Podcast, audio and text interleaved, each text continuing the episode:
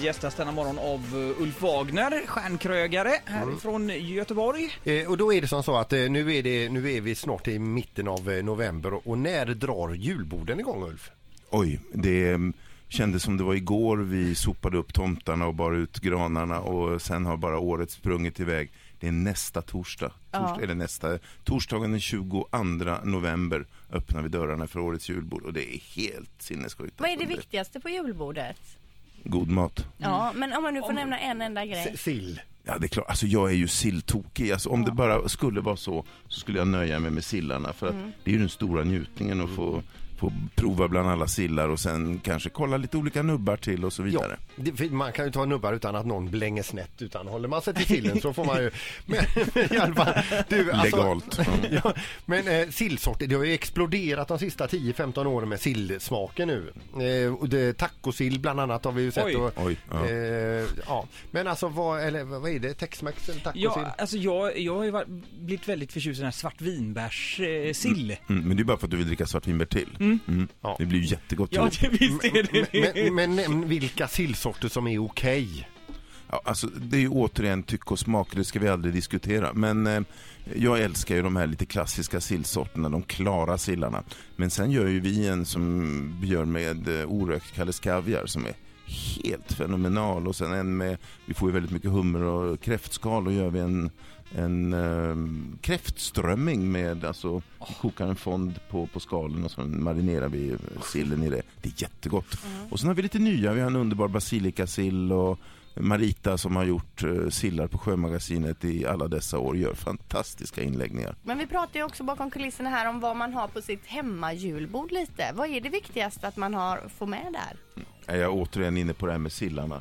Och eh, om man inte orkar göra själv så gå ut och köp goda inläggningar från någon lokal fiskhandlare eller något sånt Men där. typ lösvikt eller? Ja.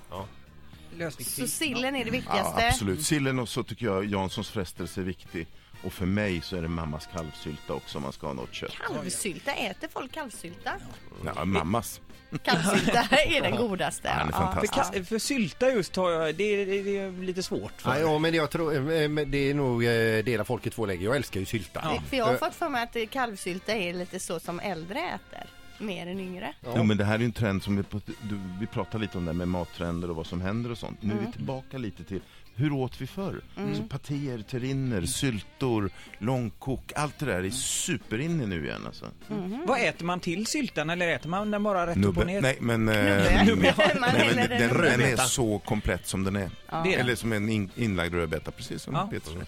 Men alltså det var, vi, vi, under eh, pausen här så, så började vi prata lite lätt också. Hur disponerar man eh, eh, sitt? För- ätande. För att om, om man, går man med företaget så, så ser man all, alla typer, alla stilar då. En, och en del eh, väljer att plocka på allt man hittar. Alltså Absolut. sill, skinka, köttbullar eh, och även eh, Gröt. ris alla Malta. Ja men Eh, toppa med, med, med saftsoppa eller sås eller alltihopa. Ja, Ja. men, men Ulf Wagner nu, stjärnkocken. Sträck upp eh, he- hela julbords-Sverige här nu och eh, berätta, hur gör vi?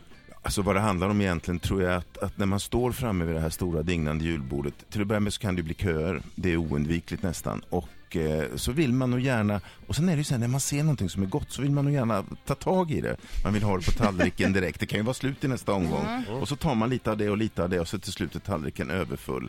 Alltså egentligen ska man äta åtminstone med fem tallrikar. Först sillar, sen går du på lite fisk, sådana saker som går på det kallskurna och sen det småvarma och så ost och dessert. Marie står här bakom och skakar. Ja men jag vet, man blir så förbannat hungrig här nu. Ja, det är det. Och, ta tiden, alltså strunta i att det är mycket folk och sånt utan ta det lugnt. Soppa. Jag har ju suttit här och pratat om ål.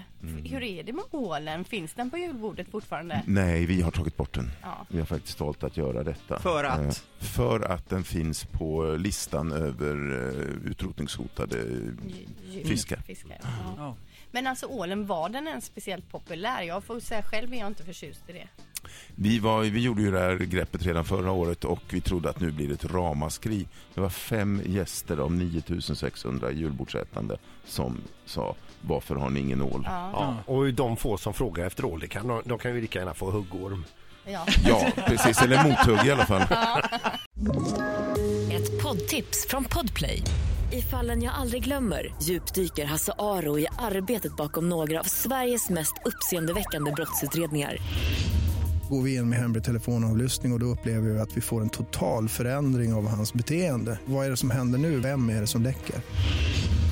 Och så säger han att jag är kriminell, jag har varit kriminell i hela mitt liv men att mörda ett barn, där går min gräns. Nya säsongen av Fallen jag aldrig glömmer på Podplay.